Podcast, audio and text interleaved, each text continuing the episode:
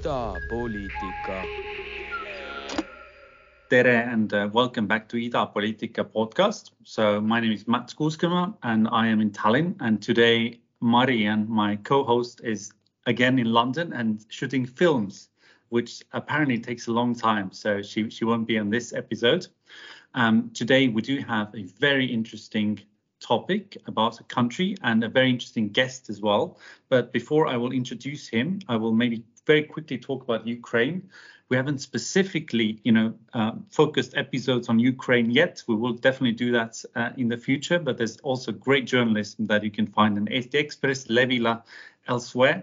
But what I would say about Ukraine is that the reason that our today's episode is actually aired a day late is that yesterday Idar Ida Radio played um, Grains of Peace together with Kiev's 20 FT radio.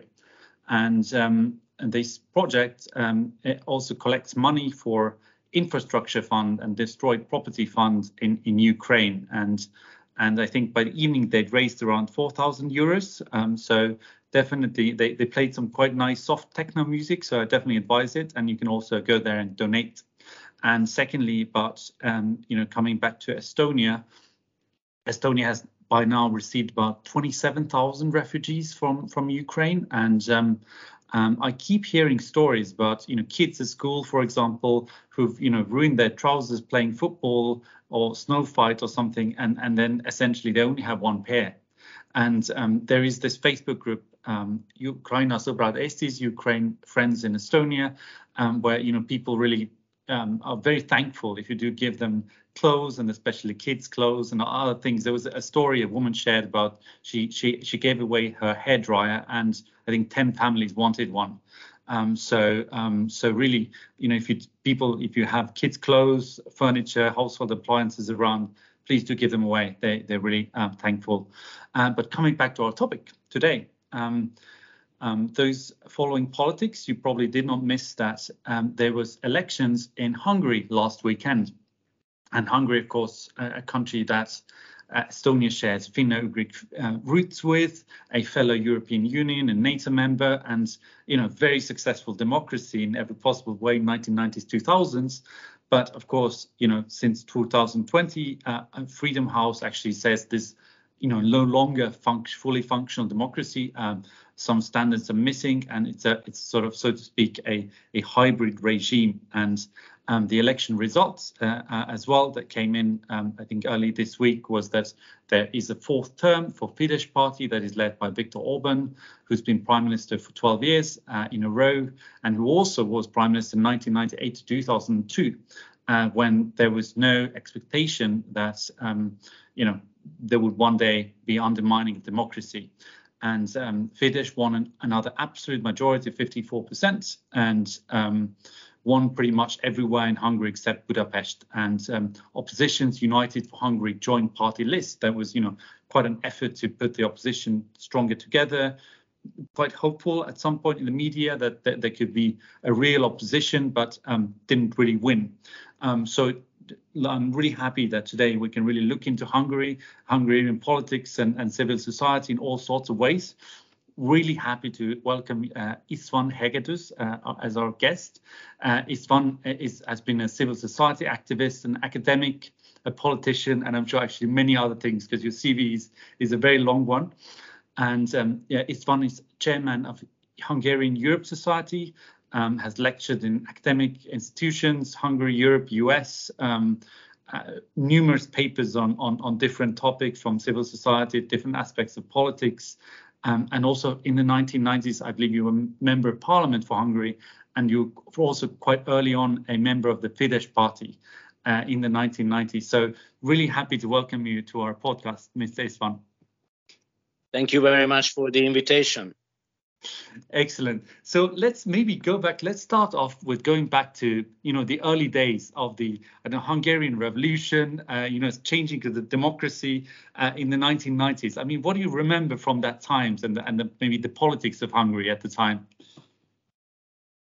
Well, we had a regime change just like in Estonia and in many other communist, post-communist countries. So Hungary was a as we see it at the forefront together with Poland and with the Baltic states. That's a little bit different story because we were not part of the Soviet Union. But even for Hungarians, uh, national independence was very important since we were a satellite uh, country to the Soviet Empire, if you wish to use this language. And also, uh, in 88, 89, when everything has started, all the changes have started, freedom was maybe the second most important value. We were all in favor. And we had a relatively peaceful, you might say, legal or legalistic transition to democracy, where certainly opposition groups which uh, emerged uh, and started to express the voice of people, dissidents, and others who disagreed with the communist uh, regime. In 89, we had a roundtable negotiation with the, let's say, reform minded communists who also were more or less fed up with the communist uh, regime. And although it was not simply smooth, there were a lot of demonstrations and conflicts. But finally, without real violence, we succeeded ending up in a pluralistic parliamentarian democracy in 1990. And since I was an active participant of these changes as a Fidesz uh, activist and leader of the party, later on a party, at the beginning, uh, a sort of youth organization, actually.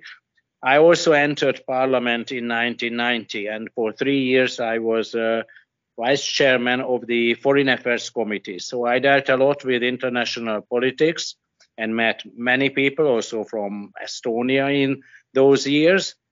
And then uh, in the 90s, we had uh, new conflicts, inter, also internal fightings inside my former party, Fidesz, where I belong to a minority group and uh, the, number one politician do, in those days, not yet really the leader like today, as today, but still the, uh, the supporters of this politician, Viktor Orban, finally won this internal fighting, and I left Fidesz in 94 when it first moved to the right from a liberal party to a more and more conservative party, and also quite an authoritarian style of leadership what uh, Orban introduced. So what's going on, what you started to talk about today in Hungary, it's not so new for me because I already experienced such style, authoritarian way of leadership and uh, how Orban started to think about politics uh, after his short liberal period. I was there when this change uh, started and how he moved to the right and also how he thought that the media, the intellectuals, the liberals have become actually sort of enemy. And what we see today all started 30 years ago, actually. Yeah, it's it's interesting how you know being inside the political uh, movement, you can really see see things you know in, in advance much much faster than maybe the, the Western media. Everything will catch up. For the um, producers, where we will do a little music break here.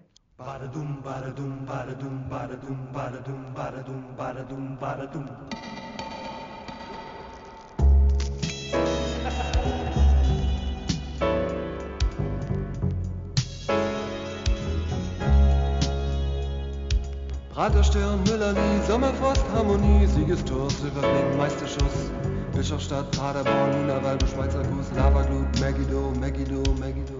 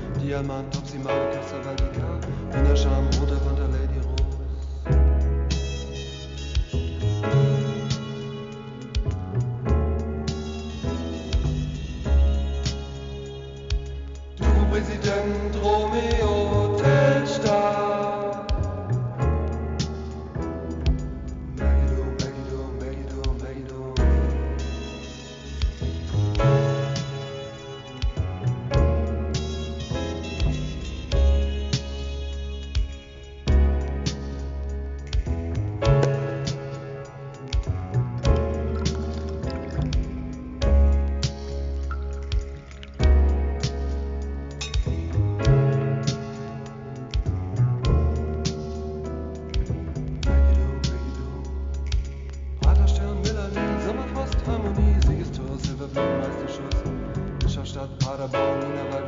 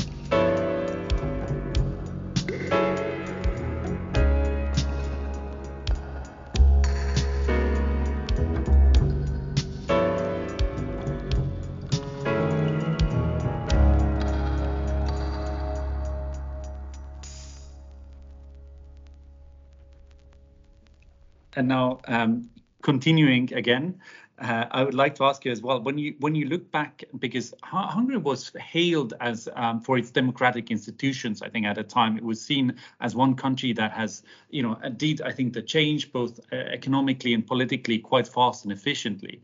Uh, but when you look at look back at the institution side, maybe not the, not the Fidesz party what it did, but the institutions um, were they done right or, or you know could could we have uh, you know designed them differently or protected them better or any anything like that that other countries might learn from It's hard to tell. I think that's not the main reason why liberal democracy was undermined. So institutions were strong, relatively strong. Political culture maybe less so. And certainly when you have a, a political entrepreneur and a group of uh, supporters. And this party gets a two-third majority in the parliament, that's what happened in 2010, there is an, a window of opportunity for, for such uh, political uh, figures to start to introduce a new type of regime following their ideological vision and pragmatism both and to create what Orban later called an illiberal state or illiberal democracy what you rightly called a hybrid regime. So moving away from traditional liberal democratic values towards a more and more authoritarian, semi-dictatorial system. So it can happen, I would say, almost to everyone, except certainly it would be harder to change the political regime in well-established democracies which have a longer tradition, maybe stronger civil society, maybe stronger free media. But I, I, I'm not an expert on that. I don't know what, I just can tell you what happened to us, which means that, uh, yes, uh, uh, you have to be careful with uh, democratic institutions and values and, and your political culture because we live in a different era. These are not the 90s we started with. This this these last years, the last decade, uh, showed that populism, illiberal way of thinking is spreading all over the world and challenging the traditional liberal values, not only in Hungary. Hungary was in the forefront, and that is why Orban became so famous or infamous worldwide, because Hungary was maybe the first country which started to move away from the traditional liberal democratic track. But we see that there are populists uh, also in the western part of the European Union, not speaking about the United States, where the president was also an authoritarian type figure for four years under, I mean, Donald Trump, of course. So it's not a special phenomenon. And now there is again a very strong cleavage, dividing line between liberal Democrats and populist authoritarian type guys on the other hand, I, I, think we have to take it very seriously. Now we have maybe different problems at global level because of the war, uh, the Russian aggression against uh, Ukraine you started with. But this other cleavage and with a strong polarization where Orban has a very important, uh, crucial role in world politics, is still with us, especially in Hungary. As you mentioned, Orban won the elections once again, and he will not disappear in the near future. Yeah, yeah, no, that, that's very interesting. What, what you say, and it seems it's always, I think, when democracy, wherever it's lost, uh, it's. I, I I found it really interesting and when I studied political science at the university, like transition to democracy and transition to authoritarianism. It's always a combination of many many things, and it actually takes a long time to achieve that as well. It's there's no one day that tanks come on the street and then it's gone. You know that that happens. Well, can happen in, in our parts of Ukraine, right? Uh, but but but otherwise in democracy it takes time. Also in Germany it took, took time, for example, in the 30s. Um, but coming back maybe to the roots of the let's say the Hungarian Revolution. I mean Hungary was, as you said, there was a big desire for liberalism, for freedom, for democracy. It was one of the, the it was the first country Eastern Bloc to do a revolution. I think 1956, if I'm I'm, I'm right. Um, looking at the, this maybe the Hungarian Revolution, to what extent was it kind of um, was nationalism part of it? Um, I mean, was there is there something in the political culture that maybe wants a strong nationalism in Hungary a little bit, or um, and also did it, you know, because you said it largely came from outside the communist, of, of course, structures of the state. Um, I mean, to what extent, yeah, what can we learn from the maybe the re- revolution to what happened later, if there's any connection there? Yeah.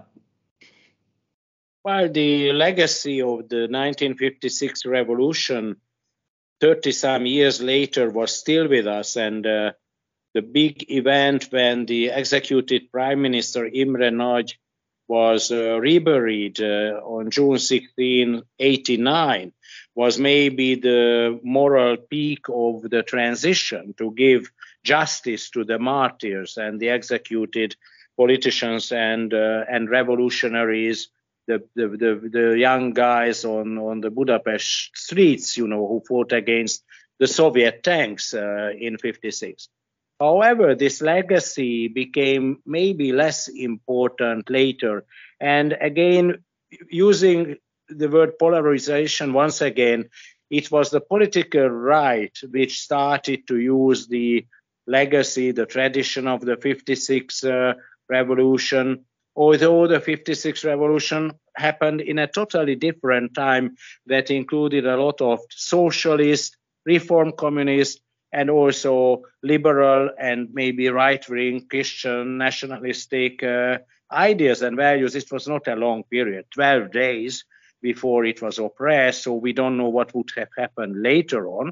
So everybody found in 56 what he or she wanted, and in general, this fantastic moment of Hungarian history seemed to be not less important when we got into the uh, current fightings between different parties and political groups. So unfortunately, 56 not such a vivid memory anymore as it should be. Now, uh, in spite of that tradition, after 89, uh, there there were very different internal factions in Hungarian uh, politics, and maybe what uh, uh, what we might learn that all sort of Democrats in Hungary had very different views regarding what you mentioned, how deeply Hungary should have, let's say, a nationalist or national background. But I would argue that although we sometimes had conservative governments which used the Hungarian national feelings sometimes in a in a more nationalistic, chauvinistic way.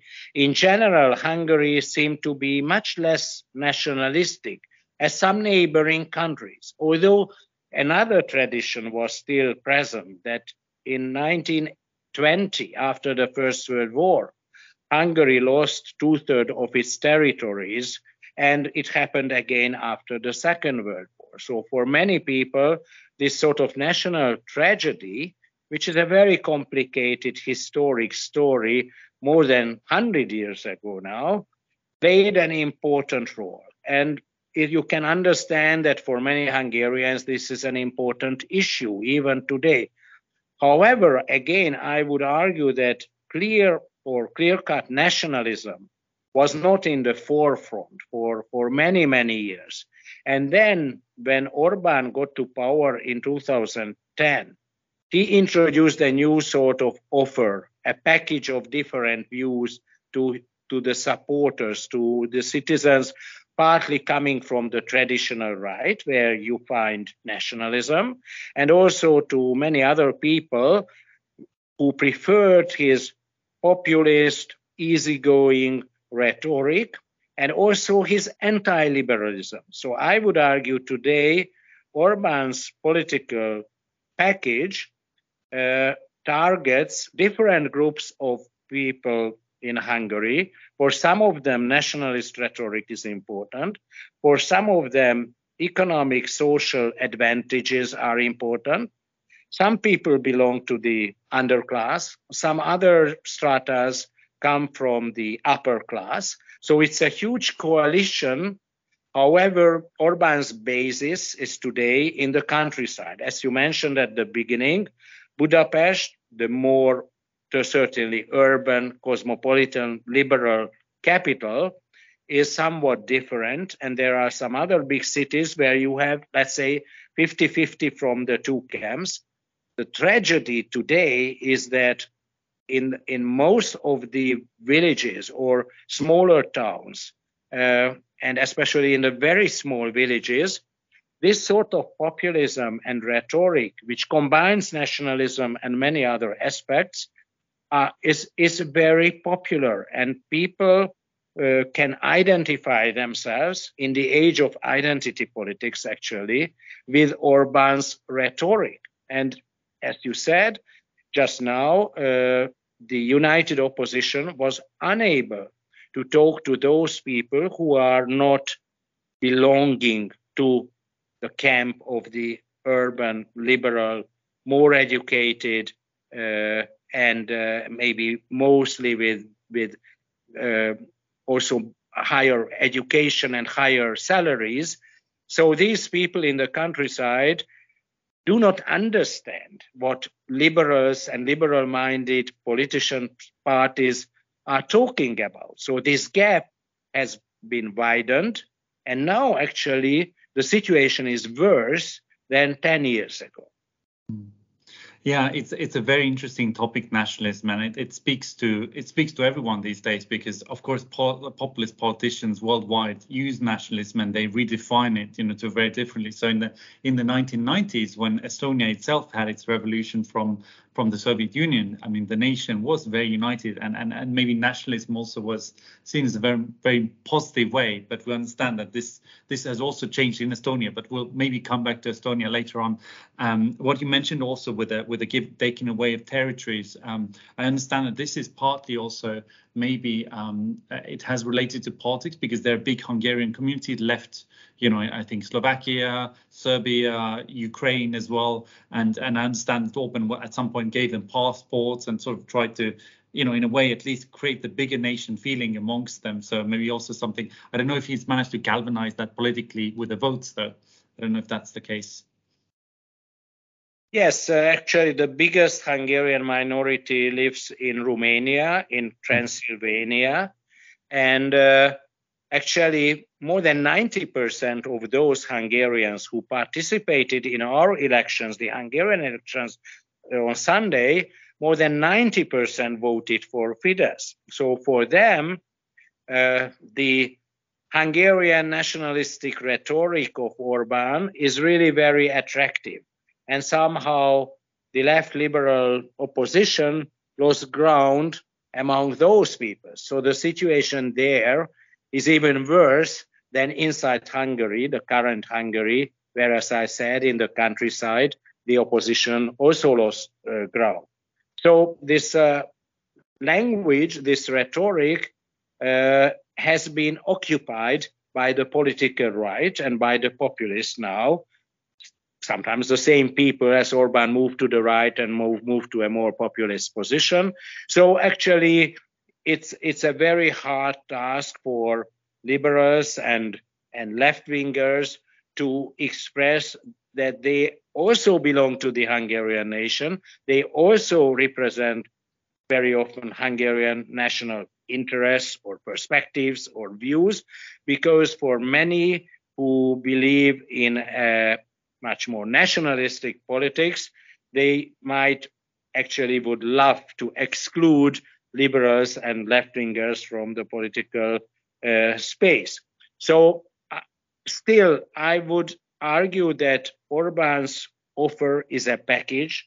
Nationalism is just one part of it but maybe an important part, and especially those who live beyond the borders, Hungarians, might vote for Orban because of nationalistic part or segment of his political package. Yeah, yeah, no, um, I, I, definitely agree with you. I mean, uh, we'll, we'll, we'll, maybe come to the current elections more, and then we can look at the promises and everything. But uh, also, what, one thing I want to ask in a way is that what's the you know, if you if you're a strong man who wants to maybe undermine democracy, common power. If we look at Orban's case, I mean, you know, he's he started off, I think, undermining civil society at some point. You know, academic institutions, you know, various issues, free media, absolutely. I mean, being by bought up one one by one, and then some, you know, newspaper closed and all that. But what's his, you know, if you look at look back the timeline, what's his recipe? You know, where do you start and what's the most effective? And yeah. Well, he did all what you mentioned, and he did it gradually, as you also mentioned, though it's also. I, I cannot say that, you know, when he first introduced new media laws, that was the crucial moment, or when at the end in 2017 he uh, put such a pressure on the Central European University that finally it left uh, Budapest and moved to Vienna, or when he actually sort of privatized universities and introduced what he called foundations. They are not real foundations. These are government appointed uh, uh, politicians and, and professionals who now have the rights to, to, to govern universities, universities without any more state control, and they will be there forever because the, their positions have been created for lifelong uh, periods. So he introduced and invented a lot of new methods how to dominate politics, economy, and culture. We should not forget that we have oligarchs who actually dominate a lot of uh, important economic uh, fields. These oligarchs get their uh, fortune and uh, and they get market uh, uh, ratios mostly from from the state how they win tenders and very often they get their support from state from the state through EU payments and transfers. So that's another part of the story that some people might argue that actually the Orban regime has been maintained through the support of the European Union. So it's a very complicated situation because there is no transparency, there is a huge level of corruption. Who wins what tenders and why. You cannot see what's going on. Now, Orban loyal uh, oligarchs and economic entrepreneurs dominate the field, and no one else can win these big tenders. So the economic part is also very important. And Orban can play with all sort of players. If he has a problem with one of the oligarchs, then there is very often an, a sort of mafia war, and Orban always wins because he is the strongest.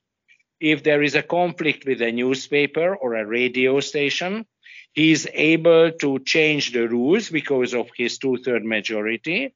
And then you know, the biggest uh, Hungarian daily was simply cut down and it doesn't exist anymore, or the biggest so-called critical opposition radio can only function now on the internet and it, does, it doesn't exist as traditional radio uh, anymore and so on and so on. So in all fields orban has created a sort of uh, monopoly I wouldn't say that this or that part of his power is the most crucial or decisive one, because that's all.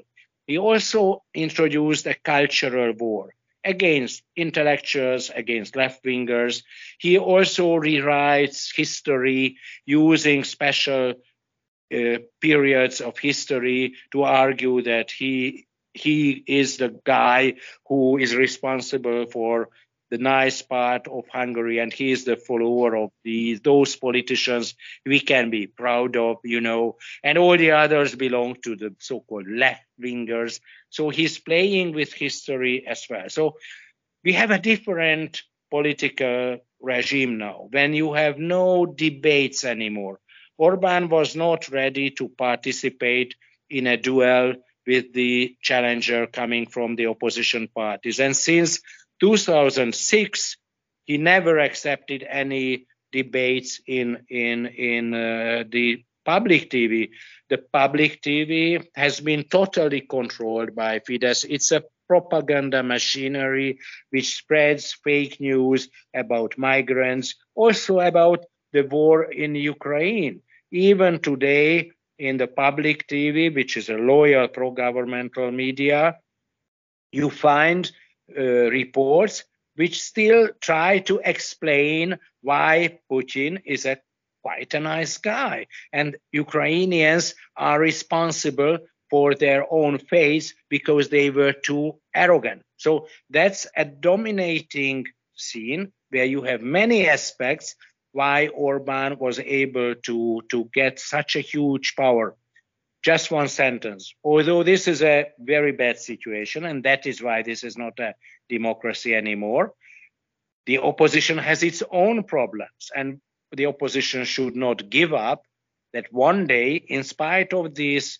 huge advantage uh, regarding resources, regarding propaganda, and that is why we say that the elections were free but not fair, in spite of this and the gerrymandering of the elections and the electoral system and so on, one day the opposition might win. All such regimes might collapse uh, because of internal problems, because you find someone who can really challenge Orban. And in spite of these disadvantages, the opposition should never give up that one day Hungary might go back to the traditional track and become once again a loyal partner inside the European Union and NATO. I, am I'm, I'm very happy to hear this, of course, and and I, I fully I fully agree with you. If, such a revolution, I think you know, would have been almost possible in Belarus, you know, without the Russian support, uh, this regime would have fallen there. Then clearly someday, uh, also uh, in Hungary, people will kick out uh, kick out the current regime. But yeah, what you say, I mean, what you say, it just seems that it's so holistic. Uh, I mean, the approach of undermining democracy, it's done in so many different aspects already, uh, and also what seems to be what, what I've heard a lot personally is kind of politiz- politicization of civil service is, is a core aspect there. Um, what I've learned a lot, I mean, you mentioned uh, corruption, of course, and you mentioned, for example, the Russia support. Um, you know, there's clearly money in it. There's clearly money in in supporting other autocratic regimes, and and and it seems that also in in in there's always a relationship with media freedom and corruption because media is really that puts the real public pressure on corrupt leaders because even you know usually when there's corruption there's you know there often big businesses involved so individual smaller companies can't fight it anyway. But but media is is the one that really makes it look really really bad but yeah, what is what is what is a shame in a way that that it's it's it's gone so far that it's not one thing that needs to change, um, but it, the list is so long, so it's it's really it's really hard to go back to uh, you know the 2000s from that aspect unless you have you know you have that party kicked out basically or new new people coming on power. Um, but my question is still that in a way that um, you know for for other for other countries you know to want to avoid that.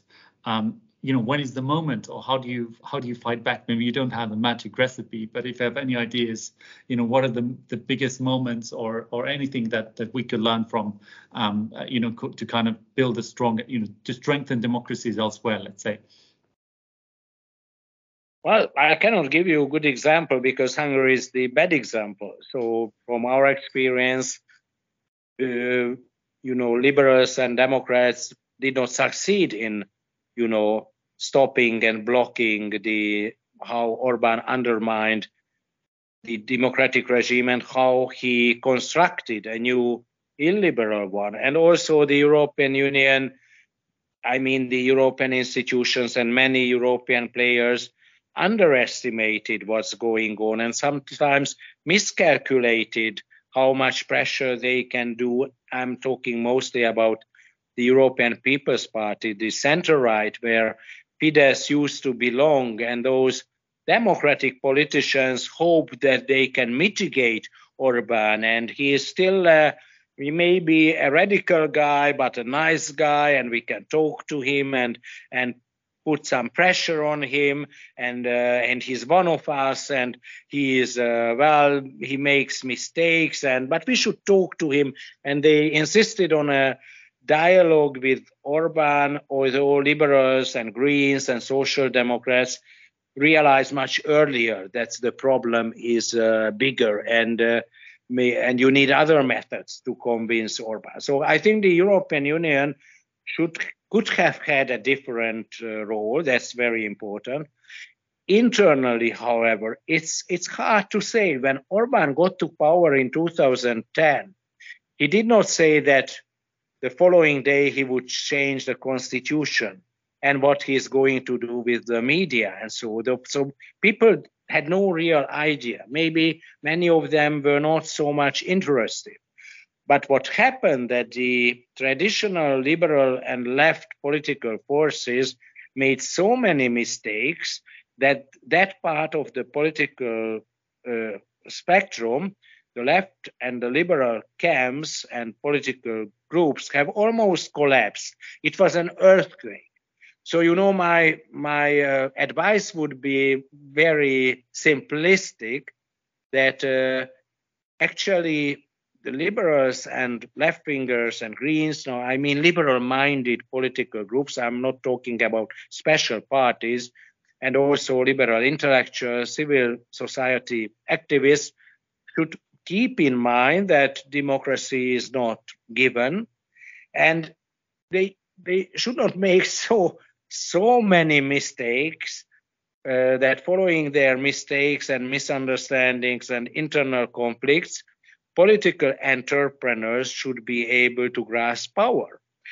I cannot give you any better advice because in hungary we did not succeed to stop that process Uh, and I wouldn't say that we can only blame former elites because sometimes, you know, um, it's a little bit a historic comment with ups and downs. And you have a liberal elite and then a counter elite has been created, which might get to power with very different rhetoric and methods.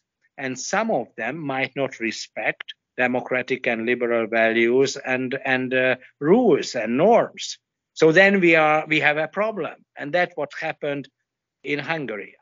The brighter side of the story that even in Central and Eastern Europe, Hungary and maybe Poland, a little bit Slovenia, are still not the rule but the exceptions, and we we can believe that many other countries have learned from that experience and liberal minded politicians and civil society actors have their consciousness, their courage to represent their views in a way and underma- unmask those who actually want to destroy the, the traditional liberal democratic regime. It's an ongoing fight.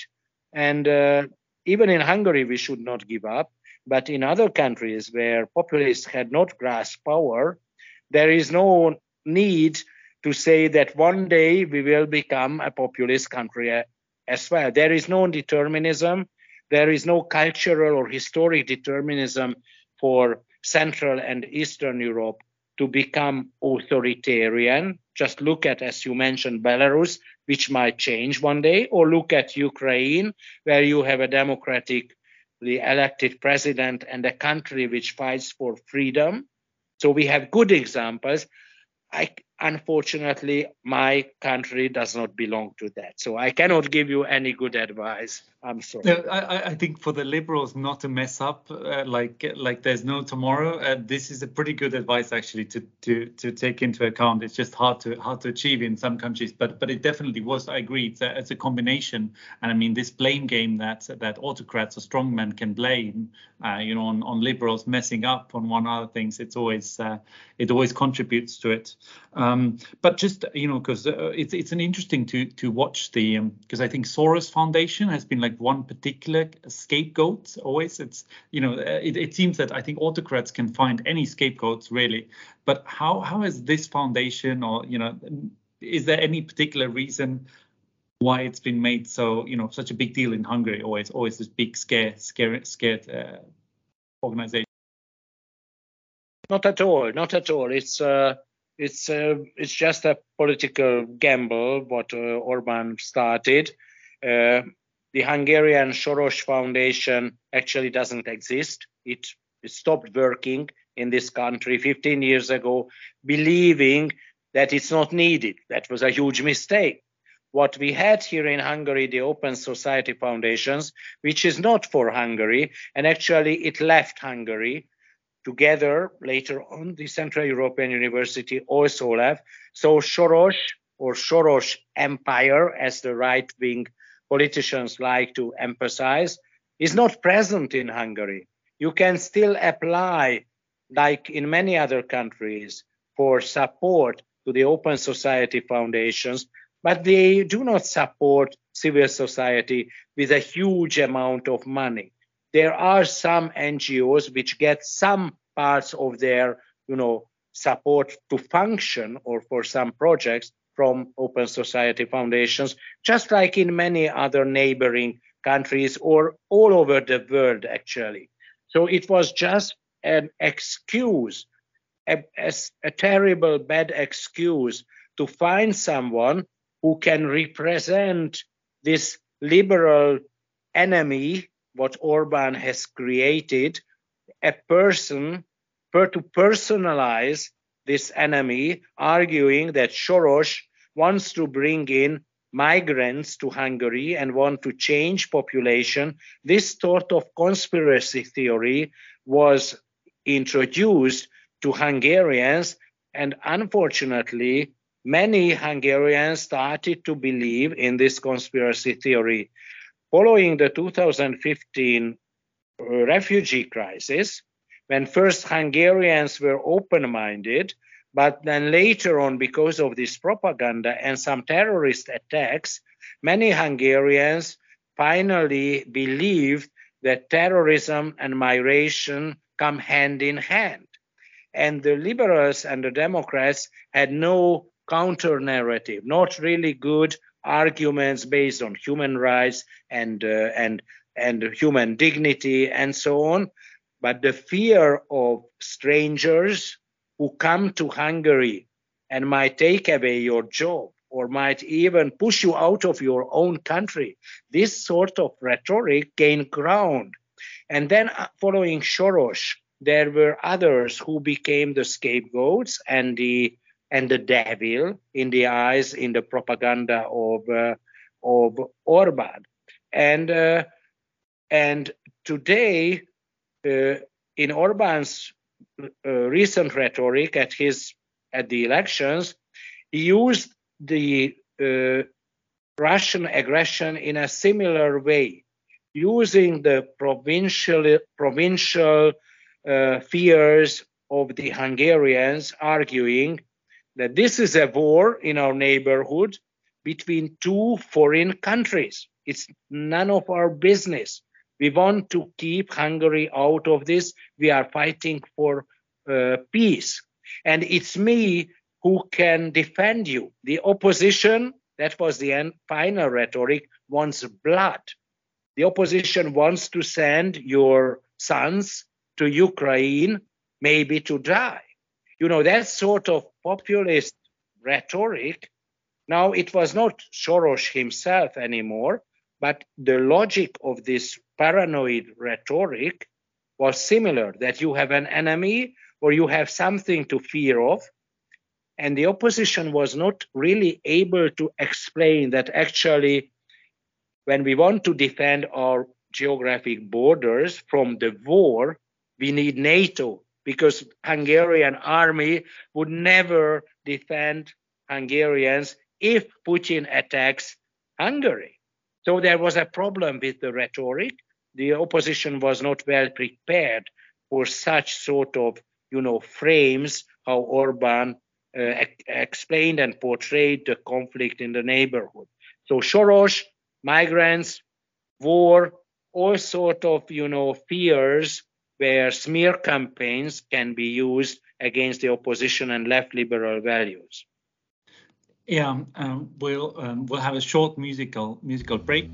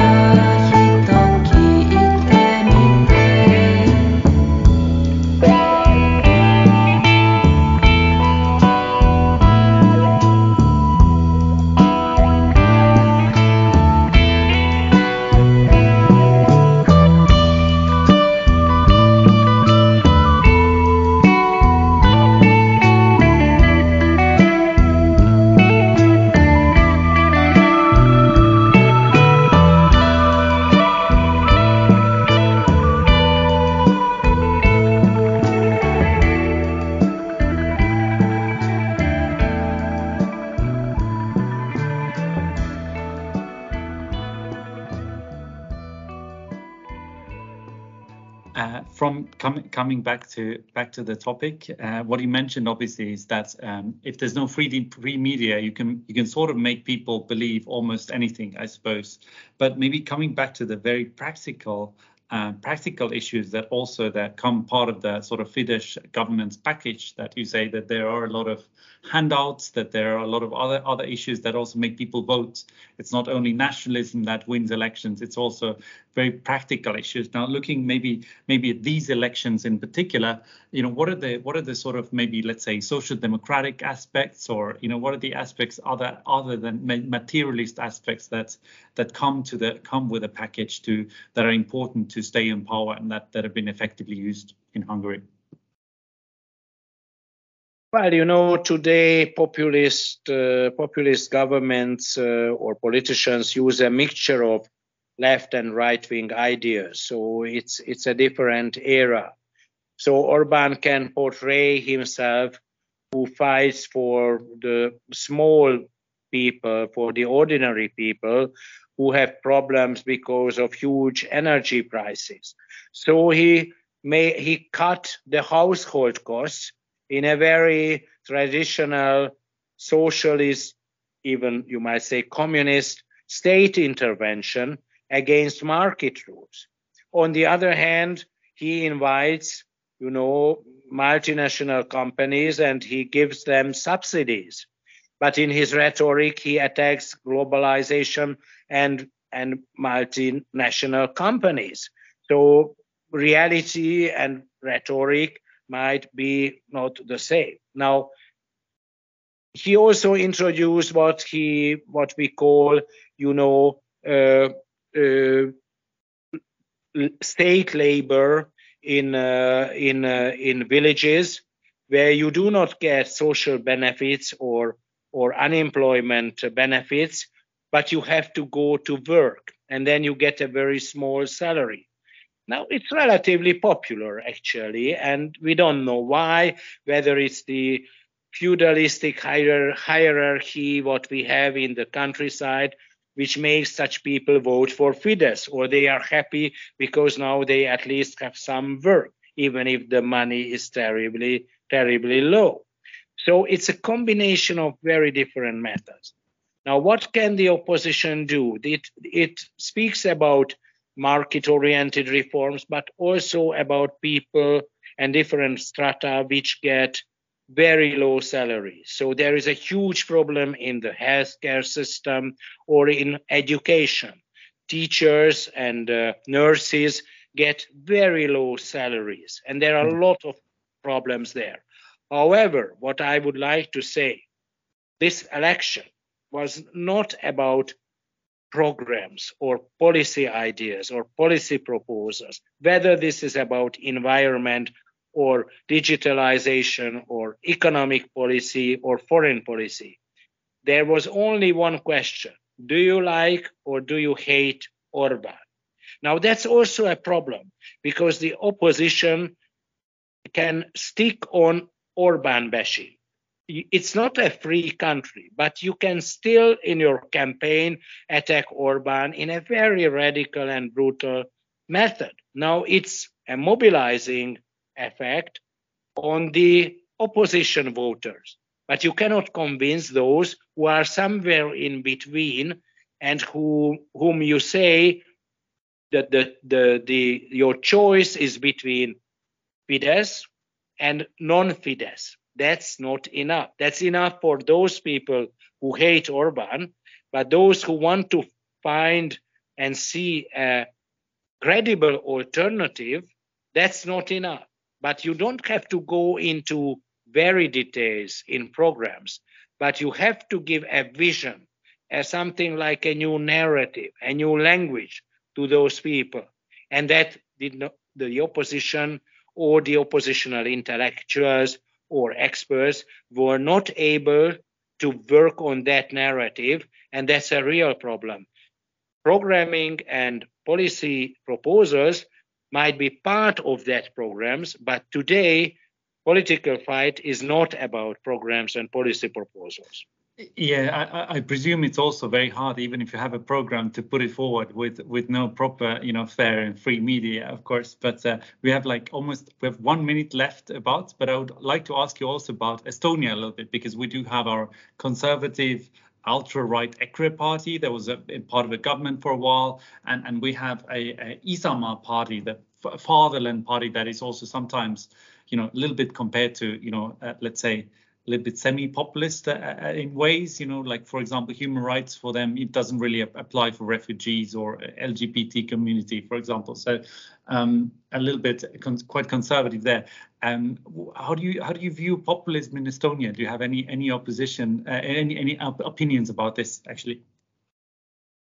I don't know very well the Estonian situation, but I remember when your far right party entered the coalition there was a shock everywhere that it could happen in Estonia, which seemed to be, you know, uh, a very liberal minded democratic regime. We knew that there are problems between Estonians and Russians living in Estonia. That was more well known. But no, we would have never uh, thought that a country which is relatively well off especially regarding digitalization, what Estonia has become so uh, famous of, that uh, populism can enter, populist party can enter political stage at on such a high level, being a member of the government. Now, I think that the experience from that is again that populism and illiberalism can come not only because of economic reasons. I can imagine that there are economic problems also, like everywhere in Estonia. But following the financial crisis, and there were some harder years, but later on, the Baltic states seemed to be relatively well off once again. In spite of that, populists got uh, some support and then became part of the government, which means that it's also about identity politics. And Estonia is also part of that political change and cannot simply say that we are better off and we don't have populism. You also have a populist threat, not only Hungary. And what I'm, maybe that's my last sentence because we don't have time. There is a danger at European and global level that these populist Uh, movements and parties might one day create a strong populist international where our leader, Viktor Orban, might play an important role. And liberals everywhere, both in Estonia and in Hungary, should look at this problem that one day populism might become even more dangerous if it is organized at a European or global level. And that is why liberals and Democrats should also organize themselves and should not only focus on their domestic problems and not only regarding European institutions, but at party political level. The Europeanization of party politics should go ahead faster because then in this case, we realize that the problems of Estonia, Hungary, and other countries have become similar, and we should fight against populism together. Yeah, I, I can't agree with you more, and especially I think that probably you you gave the solution early on as well that liberals shouldn't mess up completely.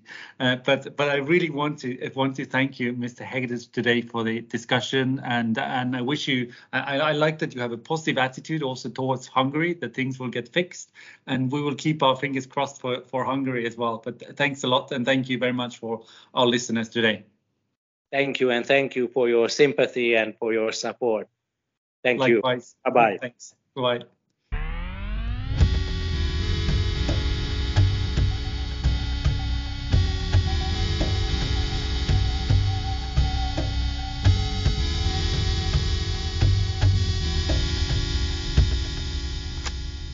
idapoliitika